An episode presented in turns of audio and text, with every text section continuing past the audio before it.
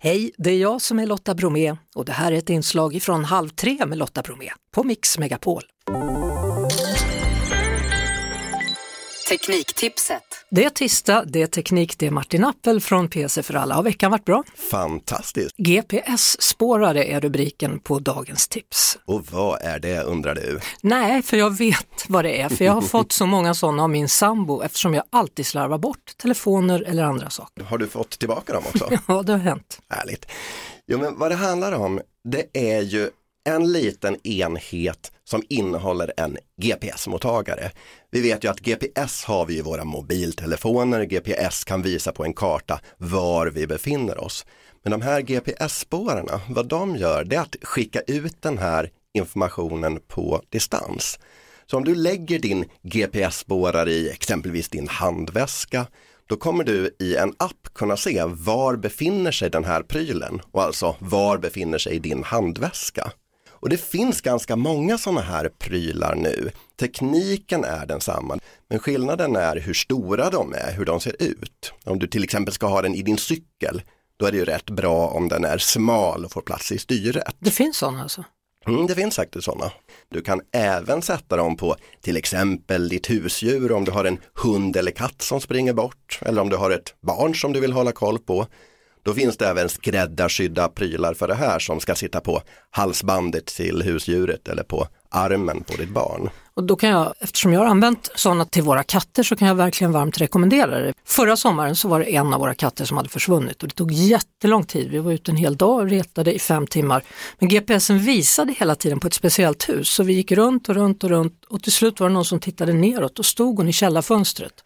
Så, Fantastiskt, ni fick tag på henne ja, alltså. en stor räddningsinsats men det, det gick. Det är ju också så att en del av de här husdjursprylarna, de kan när man kommer närmare de börja pipa lite grann. Så då kan man få en signal att okej, där är katten eller där är hunden. Och då kan jag prata om det också då. För nu under sommaren har vi använt det på en av våra katter som heter Vegas som gärna vill springa runt. Och han kommer när man ropar. Och gör han inte det, då trycker man på den där signalgrejen. Då är det som att han hör det i sina öron och så kommer han med full fart. När det gäller din mobiltelefon, då behöver du faktiskt inte köpa någonting speciellt eller ha något speciellt abonnemang, utan i princip alla moderna mobiltelefoner, både Android och iPhone-telefoner, de har en sån här funktion inbyggd. Den heter Hitta min iPhone i iPhone-världen eller Hitta min enhet i Android-världen. Så att om telefonen försvinner, då kan du gå in på vilken dator som helst eller vilken annan telefon som helst och logga in med dina inloggningsuppgifter. Då kan du se var befinner sig telefonen just nu. Men om den är urladdad, blir det då? Då visar den den senaste positionen så att om du har glömt den till exempel på jobbet och den har laddat ur sig då kan du ändå se att här ligger den på jobbet och förmodligen då på toaletten ser det ut och då kan du gå dit och leta.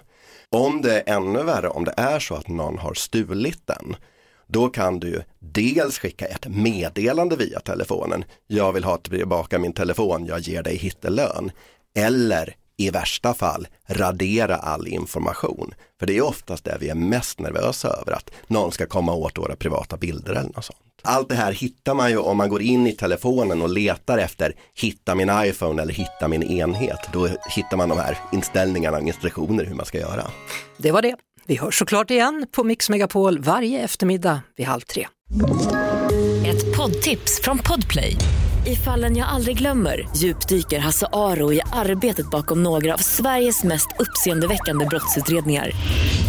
Går vi in med hemlig telefonavlyssning och, och då upplever vi att vi får en total förändring av hans beteende. Vad är det som händer nu? Vem är det som läcker? Och så säger han att jag är kriminell, jag har varit kriminell i hela mitt liv men att mörda ett barn, där går min gräns. Nya säsongen av Fallen jag aldrig glömmer på Podplay.